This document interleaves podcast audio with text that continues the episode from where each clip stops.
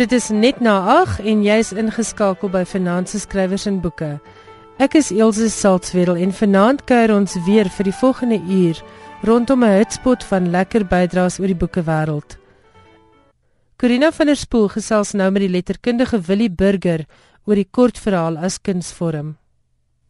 Willie Burger is professor in Afrikaans by die Universiteit van Pretoria.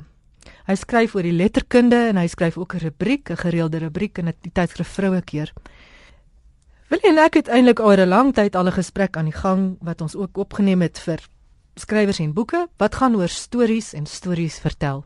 Dis eintlik Willie se se liefde stories. Vandag gesels ons bietjie oor die kortverhaal. Mense vertel al vir millennia stories van mekaar. Sprokies, fabels, legendes, gelykenisse, volksverhale, verhale oor die gode, dit word al vir duisend jare van een geslag na die volgende oorgelewer.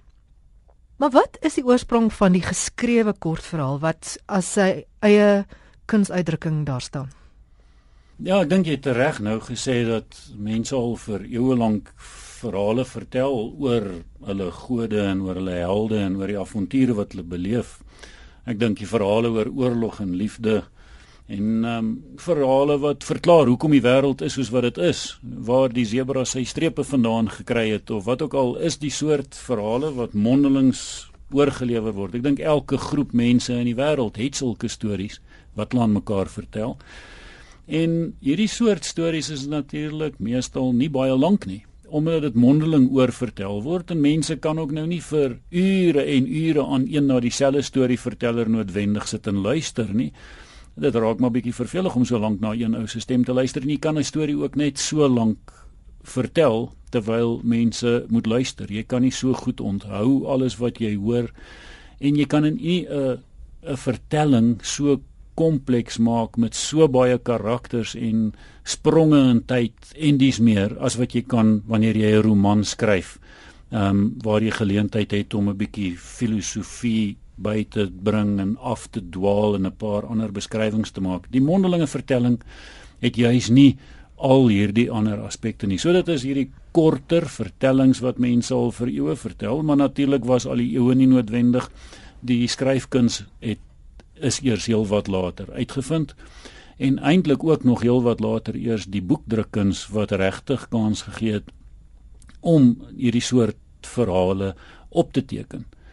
En ek dink van die belangrikste wat ons het as skriftelike weergawe van sulke vertellings is is waarskynlik wat opgeteken is um in boeke soos die Canterbury Tales byvoorbeeld. Dis 'n klomp kort verhaaltjies, korter dele wat dan aan mekaar gelas word. Um ek dink die 1001 nagte uh die Arabiese nagte soos ons dit ken wat bestaan uit al daai verhale wat bymekaar gevoeg is is, is waarskynlik sulke mondelings oorgelewerde vertellings wat uiteindelik saam 'n plek kry in 'n lang boek. Die Bybel is 'n voorbeeld van 'n klomp sulke korter verhale. Ons ken daai verhale, die verhaal van Dawid en Goliat of die verhaal van wat ook al wat as korter verhaaltjies uiteindelik saamgevoeg word en uh, byeengebring word. Um Maar natuurlik as 'n werklike genre binne die letterkunde is die kortverhaal 'n baie jong genre. Ons het wel die vertelkuns, die epiese gedigte van eh, Homerus is tog nou al baie eeue oud en ons het hierdie soort tekste, die dramas het ons al opgeteken van baie vroeg af. Maar die selfs die romankuns wat sê in die laat 17de eeu eintlik maar begin ontwikkel het is seker 'n goeie 200 jaar ouer as die kortverhaal hmm. as doelbewus ontginde genre. Willie, wie was hierdie eerste formele skrywers van kortverhale? Dit word gewoonlik gekoppel aan Nathaniel Hawthorne se Twice Told Tales. Ek dink dis in 1837 gepubliseer.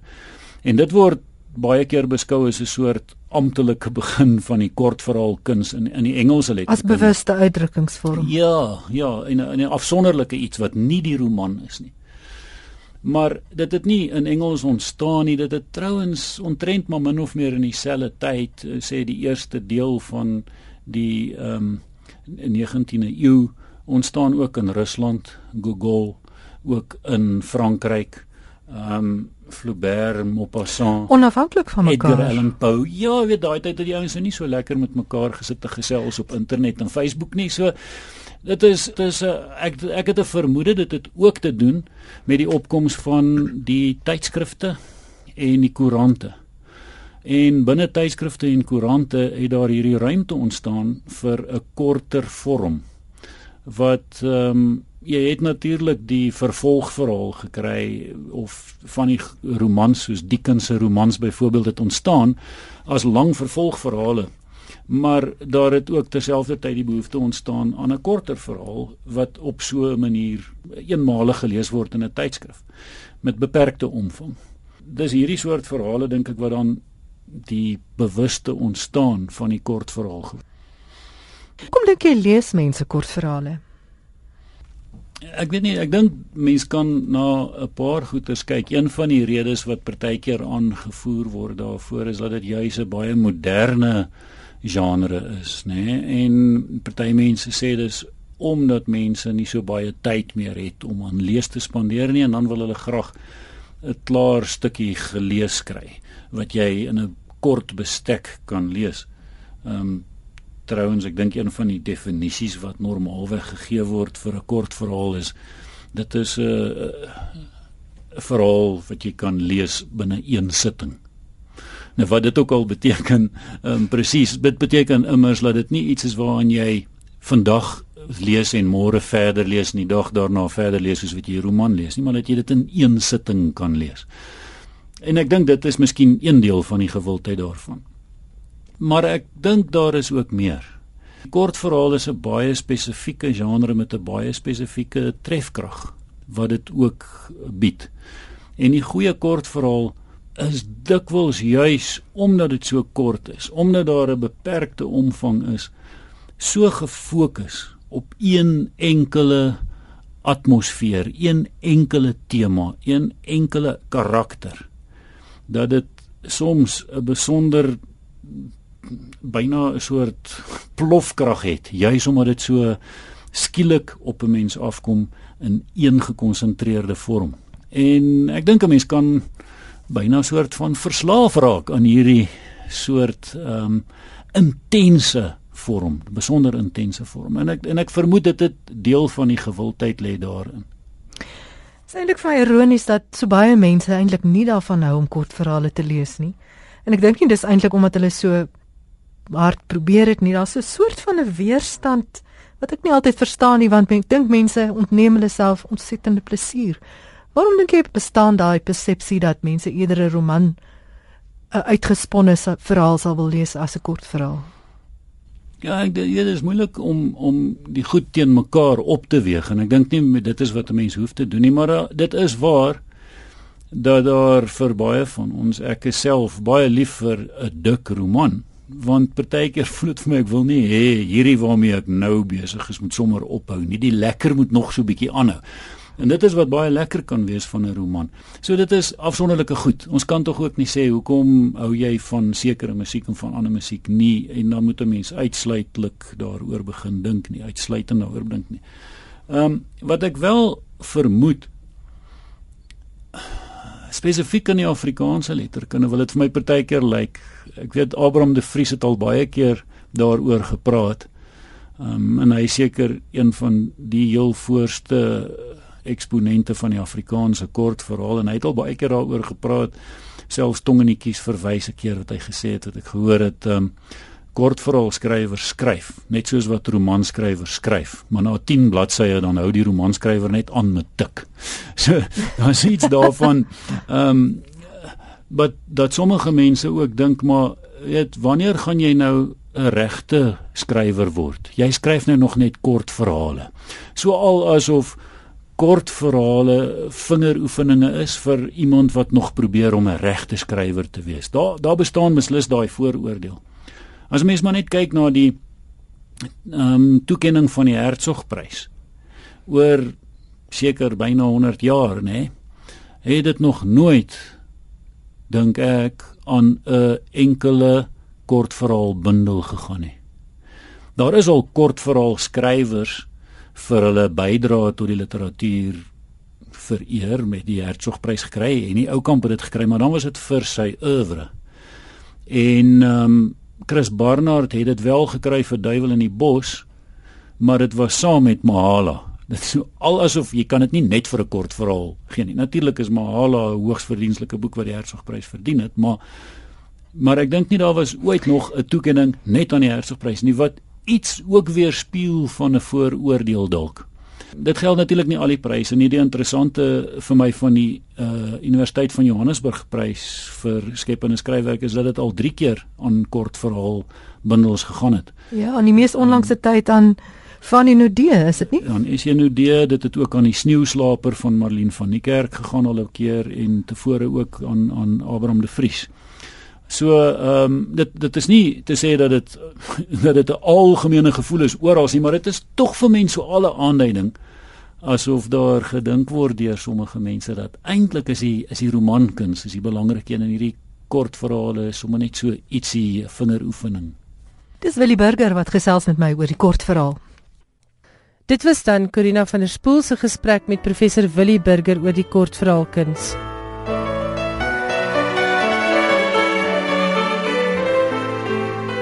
Die verhoogstuk Oscar en die Pink Tannie verower steeds gehore landwyd en hierdie produksie met Sandra Prinsloo het reeds verskeie verhoogpryse ingepalm. Maar wie sit agter Oscar se lekker Afrikaans? Professor Naomi Morgan, dosent in Franse literatuur en kultuur aan die Universiteit van die Vrystaat, het Erik Emmanuel Schmidt se oorspronklike Oscar en die Pink Tannie uit Frans in Afrikaans vertaal. Die novelle is tydens vanjaar se US Woordfees bekend gestel. Volgens Morgan is Oscar en die Pink Tannie in Europa nou bykans net so gewild soos die reeds klassieke Die Klein Prinsie. Kobus Burger, RSG se uitvoerende regisseur drama, het tydens vanjaar se US Woordfees in die Stellenbosch Botaniese Tuine met Morgan gesels. So vertel eerstens waar kom jou belangstelling in hierdie spesifieke toneelstuk of novelle dan Oscar en die Pink Tannie vandaan? Ek doseer Frans aan die Universiteit van die Vrystaat en daarom is eintlik deel van my baie aangename werk om op hoogte te moet bly van ook kontemporêre publikasies.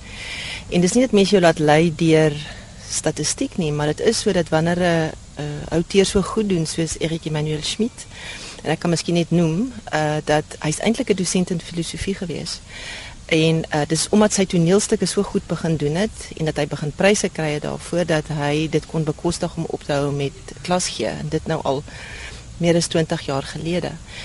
Um, en dit is seker die droom van enige iemand wat graag kreatief wil werk om te dink dat jy weet jy kan jy, jy kan die oggend opstaan en alles wat jy wil sê kan jy dan op papier kry. Toe begin ek dit te lees en natuurlik van al van al sy stukke is daar is daar twee wat wêreldwyd bekend is waarvoor daar ook films gemaak is en dit is uh, Oscar en die Pink Tannie en meneer Ibrahim en die blomme van die Koran wat 'n ander teks is um, wat ek ook graag eendag sal wil vertaal. As ek net vinnig iets kan sê oor die werkswyse want anders gaan ons nou heeltyd praat oor teks en dan weet die luisteraars miskien nie waarvan ek praat nie. Erik Emmanuel Schmidt sien homself in die eerste plek as 'n dramaturg, maar hy skryf ook essays, hy skryf romans, hy skryf novelles en in in die geval van beide Oscar en die Pink Tannie en meneer Ibrahim en die blomme van die Koran hierdie vertelling bestaan voor die voor die dramateks en hy het dit toe hy het toe self verwerk en in die geval van Oscar en die Pink Tannie het hy ook self 'n film daaroor gemaak. Dit is ook vir my baie interessant as navorser, as lektor, as vertaler, as iemand wat verlief is op die teater van altyd nog af, is hierdie metamorfoses wat mense kry, hierdie perpetuele metamorfoses. Jy weet dit begin met 'n sekere genre, dit begin met 'n vertelling, dit word 'n drama, dit word 'n 'n 'n 'n film En so elke keer is daar 'n effense herskryf, daar's 'n daar's 'n aanpassing van die van die rolverdeling. Dit maak dit baie lekker byvoorbeeld om oor klas te gee want jy jy het jy het drie weergawe om om om om aan studente voor te lê en uiteindelik moet jy dan vir jouself vra watter was die suksesvolste en waarom. So ek vind dit ek vind dit baie ek vind dit baie prakties en veral in die geval van Oscar en die Pink Tannie uh, het jy drie weergawe deur dieselfde persoon. So dit ehm um, dit vind ek al klaar fascinerend. So dit, ek dink dit was die beginpunt geweest. Oscar en die Pink Tannie handel nou oor 'n 10-jarige seentjie wat kanker kry en dis wer werklik waar hartroerende, hartverskeurende verhaal wat omtrent in iets so 37 tale al vertaal is.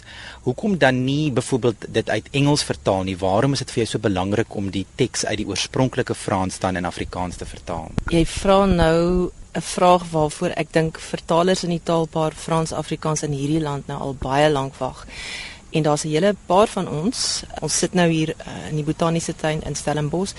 Uh, en ek is baie goeie vriende met die uh, met my kollegas hier van die van die departement Frans. En iemand soos Kat, uh, Katrin uh, de Toey wat die hoof is van die departement het byvoorbeeld verlede jaar 'n uh, 'n uh, bundel van Michelle Welbeck uh, vertaal met haar studente. So daar is daar's daar's mense wat besig is, daar is projekte ensovoorts. En dit is juis omdat meer en meer kry mens dat vertalers wat die oorspronklike Franse brontaal nie so goed ken nie, die kortpad vat en dan via Engels uh, die vertalings doen. Uh, iemand anders hier by die Universiteit van Stellenbosch, Johanna Stein, is juis nou besig met haar PhD daaroor sy werk byvoorbeeld oor die vertalings van Etienne van Heerden um, uh, na Frans toe. En dit is feeslik interessant uh, want 'n uh, party vertalers gebruik net die Engels. Belgiese vertalers wat Afrikaans kan verstaan, gebruik die Afrikaans, maar natuurlik Afrikaans en Nederlands is nie dieselfde nie. En uh, wanneer mense nou soos wat die Engelse sê close reading begin doen uh, uh oor hierdie vertalings, dit kan jy eintlik net doen in 'n PhD want dit is dis is 'n fantastiese term 'n uh, tema om oor te werk. Dan kom jy eintlik agter hoeveel foute is daar gemaak. En uh die ding met vertaling is dit vir my is dit dis eintlik dis soos 'n spinneweb. Ons ons weet ons praat nie net oor en dikwels is dit nie eintlik spesifieke woorde nie want daar's dan baie goeie woordeboeke maar dis die woord binne die konteks. Dis die dis die simboliese dis die simboliese verwysingsraamwerk. Dit is die die betekenis van daardie woord binne die raamwerk van uh, 'n uh, skrywer se eie oeuvre. Dikwels moet jy om hierdie om hierdie woord in hierdie tekste kan verstaan moet moet jy al sy ander boeke in die oorspronklike Frans ook uh, uh, gelees het. En dan Ek dink dis reg dis vir my in elk geval en vir die meeste van my mede-vertalers is dit 'n kwessie van musiek. Jy weet wanneer jy alreeds wanneer jy vertaal van van van Frans na Afrikaans toe. Ehm um, jy sit met die met die Franse musiek in jou in jou ore en jy moet dit jy moet dit transponeer na 'n ander taal toe, na ander musiek toe. En dit is is reeds moeilik tussen daai twee tale wat in die in in die, in die geval van meeste van die van die vertalers wat ek nou genoem het, hulle is almal by akademiese inrigtinge, so dit is hulle werk om dit te, om dit te doen. Maar as jy nou nog via 'n ander taal gaan, in die eerste plek jy verloor jy verloor daardie daardie daardie naalstring wat daar is tussen tussen die brontaal en die teikentaal. Ja, jy jy jy jy vat dit eintlik een stap te ver. Uh en daar's nie regtig meer kontrole nie want ehm um, vertalers is ook maar mense. Soms maak vertalers 'n fout. Uh en as jy nie kan terugverwys na die brontaal toe nie, dan gaan jy daardie fout eintlik net perpetueer ek het net nou verwys na Michelle Welbeck, uh, die digter wat uh hierso deur die Universiteit Stellenbosch vertaal is verlede jaar in Desember. En een van die interessante dinge vir my wat uitgekom het in die bespreking wat rondom hierdie hierdie publikasie gegaan het was dat hierdie uitstekende vertalers het soms nie geweet wat hy bedoel nie.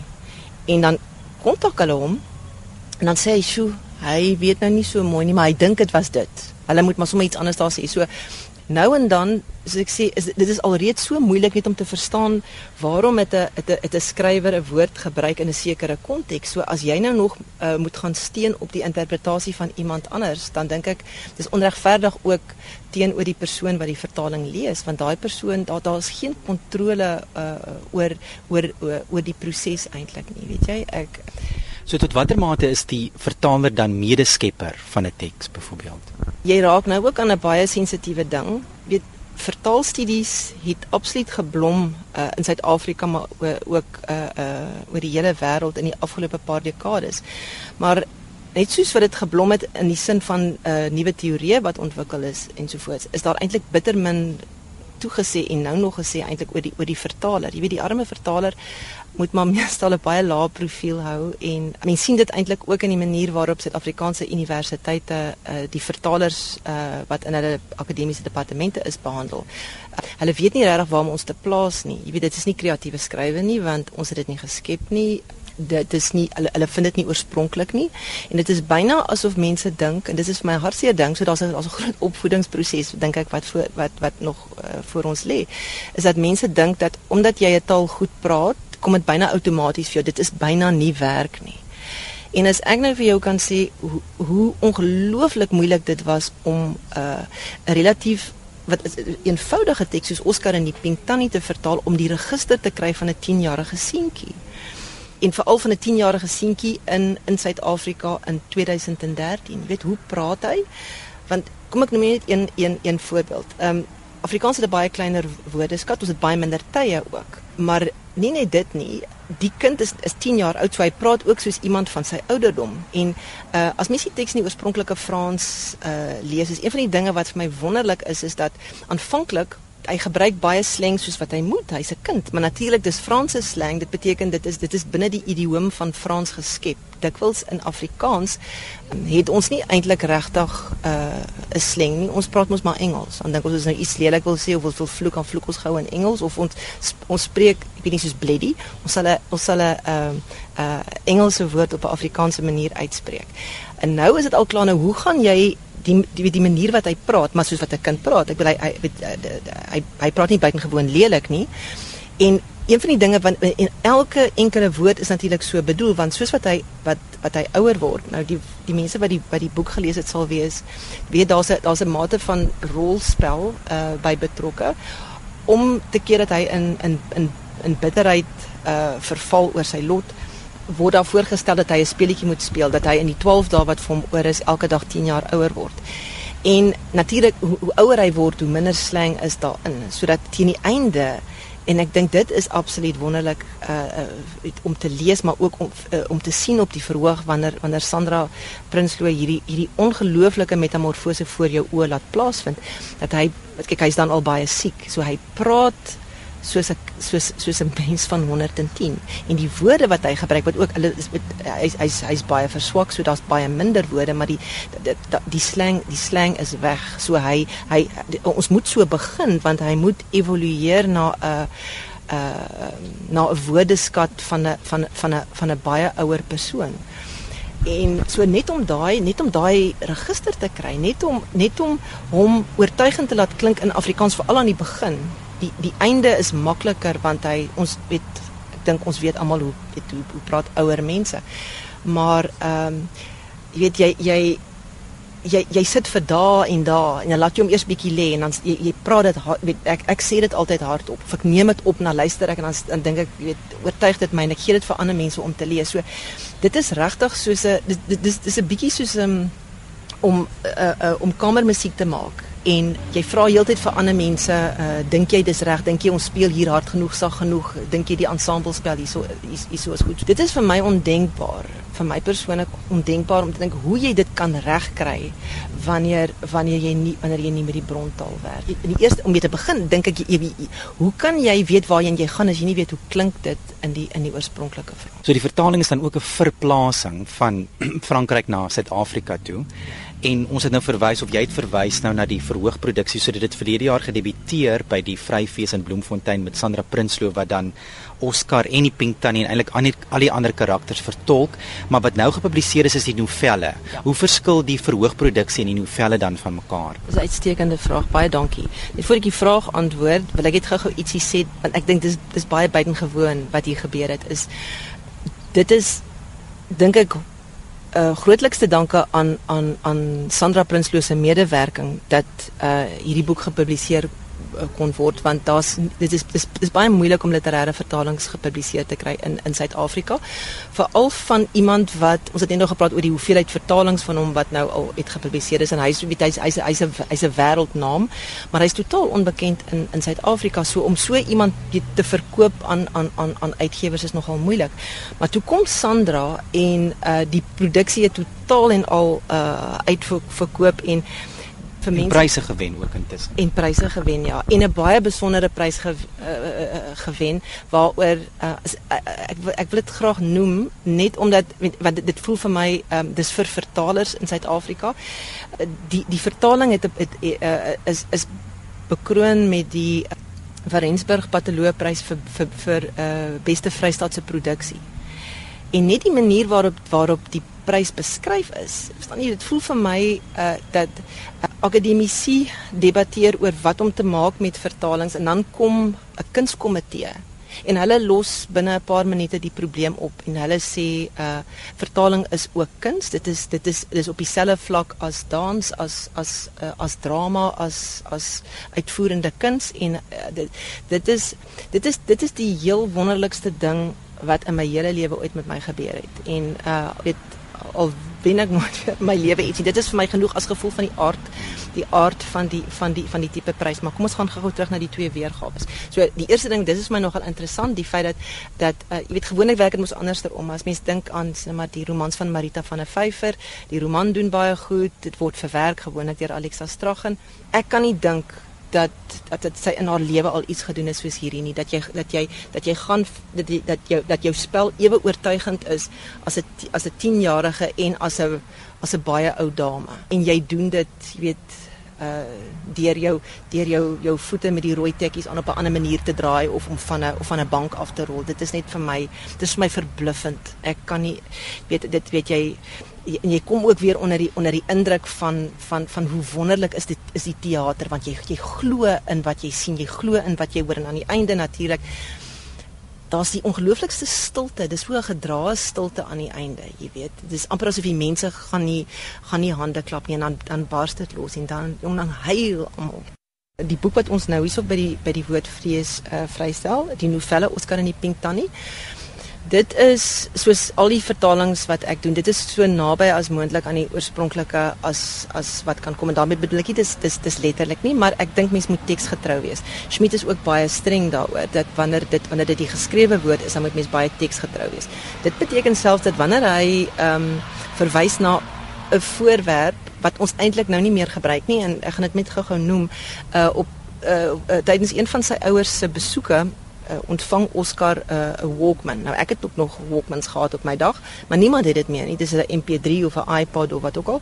En byvoorbeeld in die dramaproduksie is dit al klare iPod want die gehoor sal nie meer weet wat se ding is 'n Walkman nie, maar in die teks is dit 'n Walkman want in die oorspronklike uh, uitgawe is dit 'n Walkman en so dit sal bly. Dis nie iets wat jy weet jy ehm um, ehm um, op 'n manier moet jy die jou jou vertaling uit op die oorspronklike. Dit is soos wat hy was. Wat dan vir my wonderlik is by drama vertaling en dis een van die dis een van die plesiere van my lewe is om drama vertalings te kan doen en die hele proses eintlik te kan gadeslaan want ehm um, by drama vertaling is het het ehm um, die vertaler en die die uh, die akteurs en die regisseur baie meer vryheid. Dit dit dit, dit is ook so in die in die wêreld van van vertaalteorie.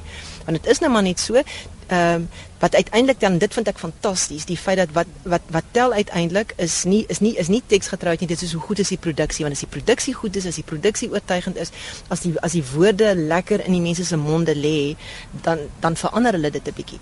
Daar's ook 'n verskil tussen die manier waarop mense vertaal uh, in sekere tale en in sekere lande en in Suid-Afrika. Nou kan net een voorbeeld noem. Um, in Engeland byvoorbeeld is die die konvensie en ek bedoel niemand het ooit vir hulle gesê dit gaan so wees nie. Jy weet dis maar soos alle konvensies dit ontwikkel so en nader aan word dit so. As jy na 'n Britse vertaling sal kyk van Oscar en die Pink Tannie of van Jasmina Reza en so voort dan sien jy sien hulle hulle hulle behou al die karaktername en die plekname. Ek het die ek het die name verander uh, om baie praktiese redes. En dit is dit is ook so in die teks. Dit is dat baie van die Franse name is byna onmoontlik om uit te spreek uh eerstens vir 'n akteur, maar ek uh, weet as jy hierdie as jy hierdie verhaal hardop sou wou lees vir 'n gehoor, hoe gaan jy dit hoe gaan jy dit uitspreek? So ons ons het die name verander en dit voel ook vir my en dit is dit is eintlik dis dis 'n 'n 'n 'n konvensie in in lande buitekant Brittanje want min of meer al die ander lande doen dit anderster. Uh Amerika byvoorbeeld ook. Dit sal ongeloofbaar wees uh as jy die Afrikaanse taal uh en die manier wat wat Oscar praat kombineer met met Franse ehm um, uh karaktername en Franse plekname. So dit was 'n groot plesier geweest vir my want uh, jy het al die produksie gesien so jy sal weet daar's ook 'n ander narratief. Elke keer wat wat dit lyk of of Oscar nie meer moed het nie, dan vertel ouma Rosa vir hom 'n storie van een van haar ehm um, verbeelde uh stoei gevegte. Nou ons weet ehm um, stoeiers en boksers het baie interessante name. Uh, en ek kom van die Vrystaat af, so jy weet net noord van my daar by Welkom in Virginia was daar nog was daar in die, in die verlede nog uh, as as groot stoei gevegte. So weet dit is eintlik ook 'n so ook so 'n knipoog op 'n op 'n op 'n wêreld wat ek geken het maar ek dink eintlik ook besig is om te verdwyn. Dis die wêreld van die stoei geveg. So hulle het hulle het hulle het Afrikaanse name. Dit het ons dit het ons verander, ja. Net laastens nou, wie sal jy sê moet eintlik hierdie novelle aanskaf om te lees? Ek dink dit is dalk nie vir almal moontlik om by 'n fees uit te kom en die produksie te sien nie, maar nou is die boek op die rakke, mense kan dit lees. Uh wie dink jy sal geroer word daardeur? As ek mag, wil ek vir jou eintlik 'n hele spektrum van persone gee en ek wil begin by die mees die die die die die mees ernstigste uh kategorie en dit is dat as jy die, as jy die die Afrikaanse weergawe oopmaak dan sal jy sien dit is opgedra aan aan iemand. Ehm uh, Schmidt se eie weergawe is opgedra aan die die uh 84-jarige aktrise wat uh die rol van Ouma Rosa vertolk het, Danielle Darieux. Maar myne is opgedra aan Ella Ella en Liefe. En ehm um, dit is uh Liefe is 'n Vlaamse vriendin van my en Ella is haar niggetjie wat uh wat dood is aan 'n breintumor. Hulle het nog hulle het nie die storie geken van Oscar en die Pink Tannie nie. Ek het hulle die storie vertel en hulle die die die boek gekoop wat natuurlik ook in Nederlands vertaal was as ehm um, uh Oscar en ouma Rosenroth ek het vriende van liewe onlangs weer gesien in Bloemfontein en toe sê sy vir my dit is dis ongelooflik. In die kinderhospitale van Nederland en België lê daar oral kopieë van Oscar en die Pinktuin dit word amper soos 'n handleiding vir doodsbegeleiding uh gebruik. So uh, dis ook my gesê ek begin met die met die ernstigste. Dis 'n wonderlike wonderlike boek vir enige iemand wat kanker het uh ook vir uh volwassenes. Ek het die vertaling ook gedoen uh gedurende 'n periode wat baie baie van my vriende en kollegas uh kanker gehad het en dit was dit was vir my ook soos 'n terapie en uh hulle lees almal nou uh, die boek en hulle hulle vind dit wonderlik. So ek uh, ek dink is 'n dis 'n verskriklike troostboek want wat wat die nuwigheid is ook van van Oscar sal ek sê is dat ehm um, dis dis dis 'n boek wat praat oor die moontlikheid dat 'n mens kan doodgaan en dat jy eintlik dit, dit gaan oor die oor, oor die vrede maak met die met die met die met die met die doodgaan proses. So ek dink dit is belangrik. Maar en dan skies ook die ja. die lewenswyshede wat daar uit voorkom. Dis half asof wat dele is wat 'n mens amper wil koester aan vashou, woorde of of ja. of sinne wat wat ja. jy kan saamneem, ja. saamdra. Ja, dis dit dis dis presies reg. En op 'n manier wil ons veral hier by die Vryfees ehm um, 'n uh, 'n Franse tradisie uh, voortsit want uh, as jy as jy na 'n toneelstuk sou gaan in 'n Franse teater in Frankryk, dan is daar altyd kopieë van die toneelstuk uh, te koop wel voor die tyd en na die tyd. En ek ek weet buitelanders kyk miskien daarna dan dink hulle wat wil, wil, wil hulle nou toets om te kyk of die mense al hulle woorde onthou het, maar dit is glad nie dit nie. Dit is juist presies nou wat jy nou sê, is dat soms word jy so geroer deur iets en dit word dan amper soos jou eie credo, nê? En, en daar is daar is heel party sulke stukke uh in in in in Oscar en die Pink Tannie. Maar dan uh, vir iemand wat dit nog nie gelees het nie of die produksie nie gesien het nie, sal miskien dink dit is dit is net hartseer. Daar is uit die aard van die saak hartseer, maar dit is verskriklik snaaks. En die manier waarop uh uh waarop waarop ouma Rosa met hierdie kind werk, want uh, uh, weet dit word vir jou in die boek so voorgestel dat uh, sy sy's nie 'n professionele sielkundige of iets nie. Sy sy sy hanteer hierdie probleme maar soos wat dit oor haar pad kom. En miskien moet ek net vinnig verduidelik hoekom sy nou 'n pink tannie is in in België en en Nederland en in Frankryk word persone wat vrywilligers is in in kinderhospitale, hulle kry so 'n pink jurk Dis nou waar die waar die waar die pink uh, vandaan kom want ek weet mense het my gevra dit iets te maak met borskanker of wat ook al nie. Dis dis dis dood uh, bloot so 'n praktiese reëling. Maar so ek dink mense wat ook belangstel in daai hele sielkundige proses van hoe maak jy vrede met iets. Weet want eh, ehm um, as jy die boek lees as jy sien dis amper en ek dink jy het dit so bedoel nie, maar dit werk net so uit. Dis byna daai klassieke stappe uh in fases waardeur 'n mens gaan uh wanneer jy wanneer jy slegte nuus kry. Jy weet die die opstand, die verbittering, die woede, die aanvaarding. En dit kry jy alles uit die mond van 'n 10-jarige. En ehm um, ons het net nou gesê dat uh Schmidt is in die eerste plek 'n dramaturg. Hy sien hom as 'n dramaturg en dit vind ek uh, fantasties want eintlik dit is 'n 'n 'n drama binne 'n drama binne 'n drama. Uh want uh daar is wat in die kinderhospitaal gebeur. Daar's die gesprekke tussen ouma Rosa en en en en Oscar Daar is die staaltjies oor haar stoeiers daar wat sy vir hom vertel, die manier waarop sy dit uh, vir hom uh visueel maak. Daar's die daar's die manier waarop Oscar die uh uh uh sy dag vertel aan God, want dit is natuurlik is 'n briefroman. Dit is dit is dis dis briewe aan God daar's ook sekondêre karakters oor wie daar gepraat word en wat wat wat lewendig word binne in die briewe want uh wanneer die die sekondêre uh, uh, karakters uh, uit die uit die koulisse kom word hulle dialoog natuurlik in aanhalingstekens uh, uh vir ons gegee. Dit word nie oorvertel nie. Daar's nie indirekte rede nie. Dit is baie dis regtig baie lewendig. So uh, ek sou sê daardie daardie groep mense ook alle studente en persone wat wat belangstel in kreatiewe skrywe. Want as mens dink met watter gegewe werk ons hier en en en hoe het hy dit verwerk want as een ding wat vir my wonderlik is van Schmidt is dat uh, dit verval nooit in sentimentaliteit en dit is hartseer uit die aard van die saak want die die die seentjie die die die die manier waarop hy praat weet jy dis die dis die dis die dis die wonderlikste dialoog en dis partymal so onwaarskynlik uit die mond van hierdie van hierdie 10-jarige kind. Daar's as ek as ek net so een reël mag aanhaal Hy dink hy's verskriklik lelik want hy het nou net hy het nou net chemo gehad. Hy dink hy lyk soos 'n marsmannetjie, hy het nie haar op sy kop nie. En uh, hulle is almal in 'n kinderhospitaal en die kinders het almal het vreeslike het vreeslike dramatiese siektes. En onder andere is hy nou verlief op eh, 'n uh, meisie wat hy noem Blou Betty. Sy het duidelik 'n bloedvloei probleem en uh, hy dink sy's fantasties. Sy, sy laat hom dink aan 'n weet aan 'n aan 'n figie uit 'n vee verhaal, maar sy dink hy dink sy sal nie eens na hom kyk nie want hy lyk nou soos 'n marsmannetjie. Om om om, om net te troos dan sê ouma dan sê ouma Rosa vir hom, "Maar jy's vir my 'n mooi seun, Oscar." En dan in plaas van my te sê dankie, dan sê hy ja, maar ek wil daarom nou ek wil nie net uh meisies weet met met met my liggaam uh weet oorrompel nie. en dit weet komende uit hierdie uit die mond van hierdie van hierdie 10-jarige. So wat wat Smit reg kry is is is is om die kind soms te laat praat soos 'n 10-jarige en om soms dinge te laat herhaal wat hy wat hy wat hy duidelik hoor, wat hy wat hy opgetel het in die in die gesprekke van volwassenes en so voort. So dis daai wonderlike tipe humor wat ehm uh, weet dit daar's 'n ongelooflike daar's 'n ongelukkige uh, mensekennis, daar's 'n ongelooflike wysheid daarin.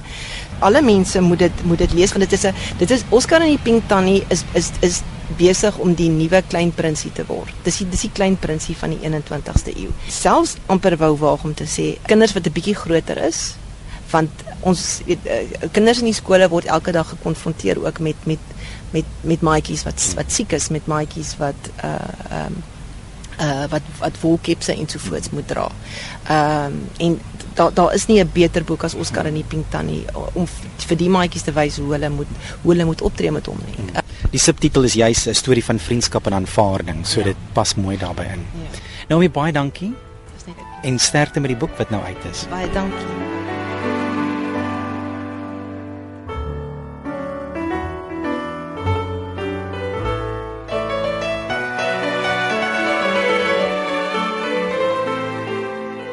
Dit was dan Kobus Burger, RSG se uitvoerende regisseur drama, se gesprek met professor Naomi Morgan oor haar vertaling van Oscar en die Pink Tannie.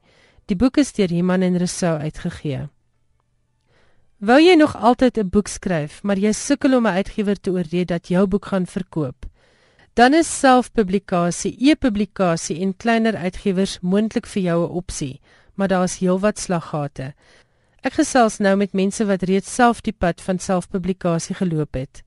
Eerste aan die beurt is Amos van der Merwe, skrywer van onder meer die biografie oor Wile Eugene Terreblanche. Amos het sy werk aan 'n kleiner uitgewer toevertrou, maar nooit 'n sent inkomste gesien vir die gepubliseerde boek nie.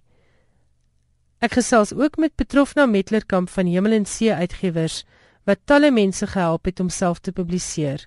Sy praat oor die moeds en moenies van selfpublikasie. Amos vertel vir ons kortliks jou storie. Wel, ek sal nou nie die uitgewer se naam noem op die lig nie, maar ek het 3 jaar gewerk aan 'n boek oor Eugene Terblanche wat op opdrag van hulle geskryf is. Nou ja, na is die boek uitgegee is, was daar net nooit weer terugvoer oor verkope of tantieme nie. Uiteindelik maar by die reg gedraai gaan van maak maar dit was ook nie regtig suksesvol nie. So dit was 'n baie teleurstellende ervaring. Jy het sekerlik deur die 3 jaar navraag gedoen. Wat was hulle reaksie toe? Hulle het elke keer 'n verskoning gehad. Daar was uh, jy weet hulle het nie syfers nie, hulle is nie seker nie, hulle sal navraag doen, hulle sal terugkom na my. Uh, hulle het ook drie ander manuskripte van my gehad, so ek wou ook nou nie te hard gedruk het om hulle te forceer in 'n situasie nie want ek was ook maar half angstig dat die ander manuskripte uitgegee word. Daar raak jy nou aan 'n belangrike punt. Dink jy mense wil so graag uitgegee word dat hulle enige uitgewer se storie glo? Ek dink elke mens het 'n storie om te vertel. Party van ons skryf dit.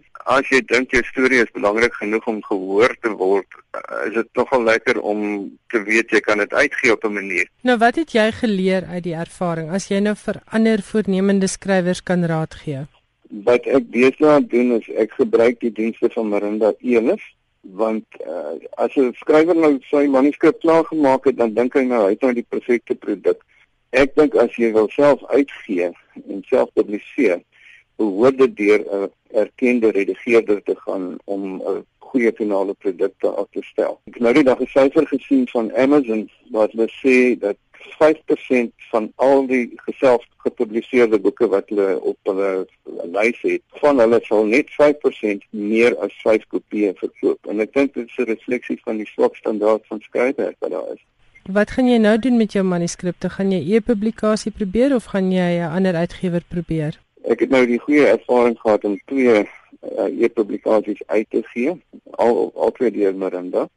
En ek dink dit dit sou seker van skrywer tot skrywer. Vir my is dit baie makliker om my manuskrip klaar te kry, te hersien, na te gaan, uh te laat redigeer en dan in iemand se hande te laat om te publiseer. Nou my werk byvoorbeeld met met e-boeke vir Afrika behels dat uh, hulle 'n groot deel van die van die werk dan doen. Hulle doen die redigering en die uitgee en die uitleg van die boek. So dit kos geld, ja. En daarvoor is ek heeltemal bereid om te betaal. Dit is ook heeltemal 'n ander tipe van koste struktuur as wat jy nou byvoorbeeld dit kan self publiseer in in in papier in. Betrof nou, vertel vir ons kortliks van jou pad met selfpublikasie. Dit is eintlik seker 'n bietjie uh, ironies dat 'n uitgewer nou mense wil aanmoedig om self te publiseer. Maar ek is nou 13 jaar besig om boeke te publiseer op 'n taamlike groot skaal. Dit wil sê 'n mens druk omtrent 2 of 3000, 3, 4, 5 of meer duisend van 'n titel. Dit is vir dit is wat uitgewers doen. Maar ek kry derentyd 'n uh, 'n manuskripte wat nie geskik is vir so groot mark nie. En ek voel nogal baie sterk daaroor dat die boeke eintlik boeke kan wees en nie noodwendig net uh op 'n in 'n laai hoef te bly of op 'n rekenaar te bly lê nie. En sê vir my, as jy sê selfpublikasie in hoe in hoe groot hoeveelhede word 'n boek dan gedruk? Kan 'n mens dan nou sê net 100 laat druk of moet jy nog steeds byvoorbeeld 1000 laat druk? Die voordeel is dat jy een kan laat druk as jy wil. Jy kan op aanvraag ja. druk. Maar jy het in initiële koste, die skrywer moet betaal vir 'n ordentlike afronding van die teks. Met ander woorde redigering. Redigering en proeflees, hy moet betaal daarvoor. Ons vind slag vir slag dat skrywers sê net toe maar my boek hoef nie geredigeer te word nie, maar dit dis feitelik nooit so nie. Daar's daai onkoste, dan is daar die onkoste van die uitleg en mooi voorblad ontwerp. Daar is soms kan die skrywer daar spaar deur met sy eie voorblad te kom. En dan is dit die drukwerk. So daardie die drukwerk moet ek nou eintlik eenkant eers hou. Die ander kostes, die teksversorg, die uitleg en die omslagontwerp ja. is jou insetkoste. Daar's 'n man hier in Hermanus wat onlangs 'n boek sou laat doen het by Erfenis Publikasies wat in Hermanus hier sou werk en hy het 200 boeke laat druk en wat sy insetkoste ook al was, het hy by die eerste bekendstelling dubbel teruggekry. En van daar af laat druk hy 5 of 10 of 20 op 'n slag soos wat dit daar aanvraag is en 'n suiwer win. Kom ons praat vinnig oor geld want ek dink dit is die ding wat mense afskrik van selfpublikasie. Hoe duur is daai aanvanklike uitleg dan nou? Sê nou net 'n gemiddeld. Ek weet jy kan nou ja, nou nie presies sê nie. Ek dink in sy geval het die boek omtrent 200 bladsye gehad. Die teks het baie baie werk aangehad. Die uitleg uh, is betaal en die omslag is professioneel ontwerp. Ek dink die omslagontwerp is iets soos R2000 en vir die 200 boeke het hy R12000 betaal. Wat iemand eers mag dink is baie, maar hy verkoop hulle vir R140 een. So as jy die 200 verkoop, ek kan nie die somme maak nie, maar dan kan jy mos En ten minste het hy nou 'n boek in sy hand, anders as baie mense wat nou groot geld vir uitgewers betaal het en nie eers 'n boek in hulle hande kan hou nie. Ag man, ek het ek het twee ou mense gehad wat hier aankom, maar, maar nou oor die 80 oud. En hulle het by 'n plek beland waar die boek wat die vrou geskryf het vir hulle 180 000 rand gekos het 300 eksemplare. Dit is verskriklik. Nou en hy goed. was nie eers geredigeer nie. So dit is sommer net geld wat in die water gegooi is. Dit gebeur en ek dink wat ek as ek vir mense kan raad gee, sou ek sê wanneer hulle dink aan selfpublikasie, nader die mense wat so adverteer op internet, daar's baie deesdae, maar vra dan vir hulle uh, dat hulle vir iemand se naam gee as verwysing. Soos wat jy met 'n werkgewer doen, dat jy dat jy 'n getuigskrif kan kry. Dit dink is die beste raad wat ek aan kan dink. As jy praat van selfpublikasie, wat van e-publikasie want dit is nog 'n opsie en ek neem aan dis heel wat goedkoper. Dis 'n goeie opsie, maar ek sou dit nie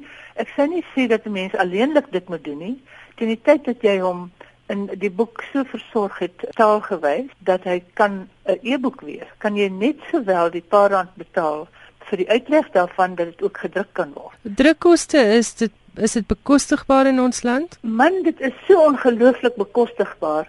Die boek wat ek nou net van gepraat het van min of meer 200 bladsye. Uh, ek dink hy was gedruk teen R25 per boek. En dit is nie asof 'n mens skielik baie baie minder betaal as jy 100 laat druk nie. Uh, dit maak nie 'n noemenswaardige verskil of jy 20 of 100 druk.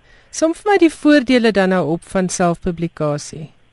Ek dink die een groot voordeel is as ek nou mag praat as 'n bietjie van 'n idealis, Ja. is dat ons stories word bewaar. Hulle raak nie net weg nie. Uh ons wat so 'n bietjie bedreig voel in ons kultuur, in ons taal. Maar vir die persoon wat geskryf het, is dit natuurlik te wonderlik. Ek meen, daar is soveel mense wat wat graag skryf en as jy mens weet dat jy na 'n doel toe skryf, jy weet dat jy 'n publikasie in jou hand gaan hê, is dit 'n heel ander saak. Dit is wonderlik. Die slaggate en ek dink daar is 'n horde en jy het seker ook met jou pad wat jy gestap het, het jy seker 'n paar lesse geleer. Voor Hemel en See ontstaan het, het ek geself gepubliseer in die vorm van 'n kasetbande wat ook nog 'n uitkoms is, is is iets wat mense ook kan doen. Jy kan 'n 'n klankboek maak, 'n CD. En toe na dit het jy Neil Donald Walsh se Conversations with God vertaal, is ek reg? Ja, en dit dit was ek so haastig om dit by die lesers te kry dat ek gedink het 'n uh, groot uitgewershuis gaan te lank neem. En toe het ek dit sommer alles self gedoen en binne 6 maande vertaal en gedruk en in die kar gelei en hele land vol gery en in die winkels ingesit en dit het, het ongelooflik baie verkoop. Toe begin manuskripte na my toe kom. Nou vertel vir ons van die slaggate. Waarteen wil jy mense waarsku? Ek wil mense waarsku teen gladde bek geldmakers. Ja, die skrywer moet weet hy moet nog 'n paar hare op sy tande hê, want hy moet van stap 1 af totaal in beheer wees van wat aangaan. Dis die ander ding, ek dink nie mense besef boekmaak is 'n redelike lang en intensiewe proses nie. Ja, wel dit hoef nie so lank te wees in die geval nie. Die lengte, die tyd gaan in die redigering in, ja. Ja. Dis waar die tyd vir ingaan.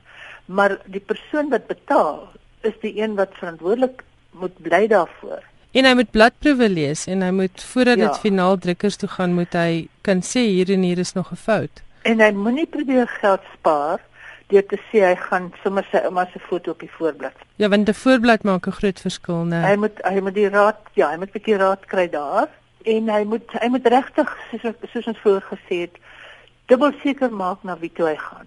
Om saam te vat, die, die grootste slaggat is wie jy kies en Absoluut. dan moet jy betrokke wees by die hele proses. Jy moet in Ja. beheer wees. Ja. Jy kan nie bekostig om dit aan ander mense oor te laat nie. En jy kan veral nie bekostig om enigsins slap te lê wat betref kontrole van uh korreksies nie. Dis partykeer so 'n versoeking om te sê, ag ons het die boek nou al geproef lees, ons het die proewe teruggekry, ons het die korreksies weer gekyk en ag ons gaan net maar druk uit daai paar foutjies wat ons laas reg gemaak het. Hoef ons nie weer te kyk nie. En dis hulle wat nou net daar bly. En dis hulle wat uiteindelik jou boek 'n goeie of 'n slegte reputasie gee. Dis net daai 4, 5 vreeslikes wat net daar bly sit.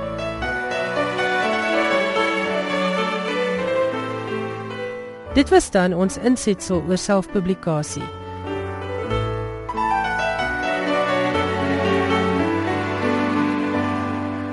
As jy dalk weer wil luister, onthou van die potgooi by rsg.co.za. Onthou ook dat Petrofna op 9 Julie 'n slypskool oor selfpublikasie aanbied by die Vryfees in Bloemfontein. Johan Meiberg is die kunsredakteur van Beeld. Hy gesels nou met Kobus Burger oor wêreldletterkunde. Hulle gesels onder meer oor 'n internasionale prys vir fiksie deur vroue skrywers wat verlede week toegekend is. Die wenner van die Orange Prys wat fiksie deur vroue skrywers bevorder, is nou verlede week aangekondig, maar die prys het nou 'n nuwe borg en naam. Dit was tot verlede jaar nog die Orange Prys gewees. Nou is dit die Baileys Fiksieprys vir vroue skrywers. Ja, dis daardie mense wat onder meer daardie romerige likeur maak. Hulle het die wenner aangekondig uit 'n gedigte kortlys het die Amerikaanse skrywer A.M. Holmes as wenner geseëvier. Haar mededingers om die prys met 'n geldwaarde van sowat 460 000 rand was Hilary Mantel Die gunsteling ook van jaar om hierdie prys in te palm, sy het reeds die Man Booker en die Costa verower met haar Bring Up the Bodies. Dan was daar ook Zadie Smith, Barbara King Solver, Kate Atkinson en Maria Semple. Die prys vir vroue skrywers is in 1996 ingestel as viering van uitnemende, oorspronklike en toeganklike skryfwerk in Engels deur vroue van reg oor die wêreld. Die beoordelaars onder aanvoering van die Britse aktrise Miranda Richardson het Holmes se roman May We Be Forgiven beskryf as vars en donker snaaks, as roerend op 'n onverwagse manier. Binne die eerste 14 bladsye kry die leser te doen met 'n verskriklike motorongeluk met oorspel en moord. Die verhaal is die van 'n middeljarige akademikus wie se lewe al hoe meer buite beheer raak. Dis 'n boek wat jou hartop laat lag terwyl jy dit lees, het Richardson gesê. Of jy lag omdat dit snaaks is en of jy lag uit vrees of afgryse, dit bly 'n wonderlike ervaring. Holmes se romans sluit in Jack in A Country of Mothers, The End of Alice, Music for Torching en in 2006 This Book Will Save Your Life. Nie almal is egter ewe opgewonde om 'n glasie te lig op Bailey se betrokkeheid nie. Die Britse skrywer en resensent Jenny Diskey het getweet: "Bailey's is die geskikte borg vir 'n minderwaardige prys vir vroue en dit dubbel neerbuigend genoem." Ek dink dit sy gesê dis 'n vroueprys is moreel 'n selfondermynende troosprys. Dit gee die duidelike boodskap fiksie deur mans is anders as die deur vroue. Terloops, Baileys is deel van die Dagayo groep wat 'n hegte band het met kunsteborgskappe. Hulle Gordons Ginborg onder meer die Britse Turner Kunsprys en Moe die Britse onafhanklike rolprentpryse. Verlede week met die verjaardagviering het jy 'n vers van Lorca voorgeles wat 'n vertaling deur Eyskriege was. Is daardie bundel nog in die handel beskikbaar of is dit tyd dat dit weer heruitgegee word? Ek het daardie bundel baie lanklaas op 'n rak gesien. Ek ek kan nie ek kan nie vir die antwoord daarop gee nie. Dit sal wonderlik wees as daardie as daardie versameling weer uitgegee word. Spaanse dans is 'n bundel met uh, vertalings, maar dit is meer as Lorca maar die spesifieke versameling Lorca het ek baie baie lank lank op raak gesien. Ja, ek het ook al gesoek in die tweedehandse boekwinkels, maar dit is moeilik om dit te kry. En dan boeke nuus uit Brittanje. Goed, die Britte het benewens 'n hofdigter, die sogenaamde poet laureate, ook 'n laureate vir kinderboeke. En pas is Mallory Blackman aangewys as die nuwe laureate. Sy neem oor by Julia Donaldson. Eers net goue opmerking oor Donaldson. Sy het onlangs in 'n Britse dagblad 'n lansie gebreek vir meer prominensie vir kinderboeke. Wat van resensies het sy gevra? Wat van onderhoude met skrywers en illustreerders? Waarom word die so oor die hoof gesien in boekprogramme en rubrieke? Terug by Blackman. In haar aanvaardingstoespraak het sy gesê haar doel is om kinders sover te kry dat hulle meer kan lees.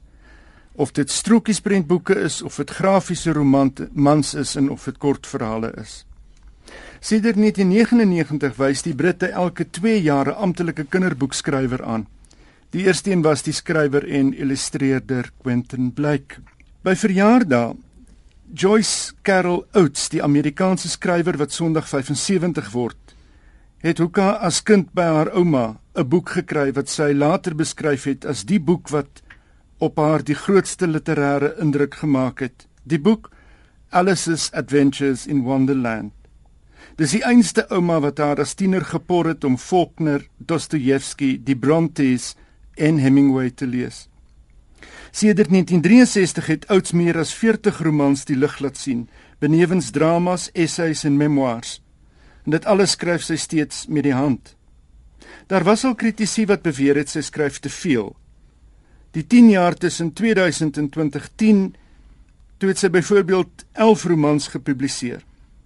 Maar dan is die ouds ondersteuners vinnig om te wys op die energie wat van boek tot boek loskom en as dit ware soos 'n vonk aanhou spring.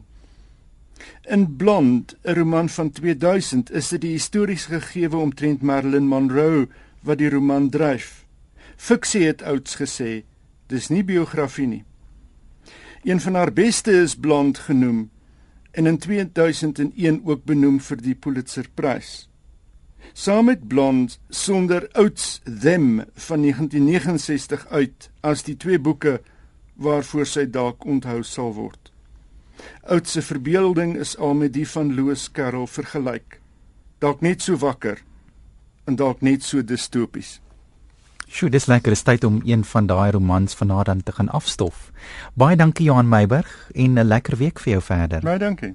Dit was dan Johan Meiburg in gesprek met Kobus Burger. Dis dan die einde van Finanse skrywers en boeke. Laat hoor gerus van jou as jy vanaand die program geniet het.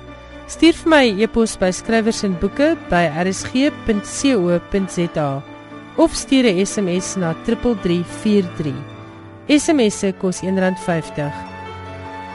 daarmee groet ek Elsje Salzwetel dan tot volgende woensdag aand om 8uur wanneer ons weer gesels oor skrywers, boeke en die wêreld van die letterkunde. Ek hoop jy het 'n rustige aand en 'n wonderlike week.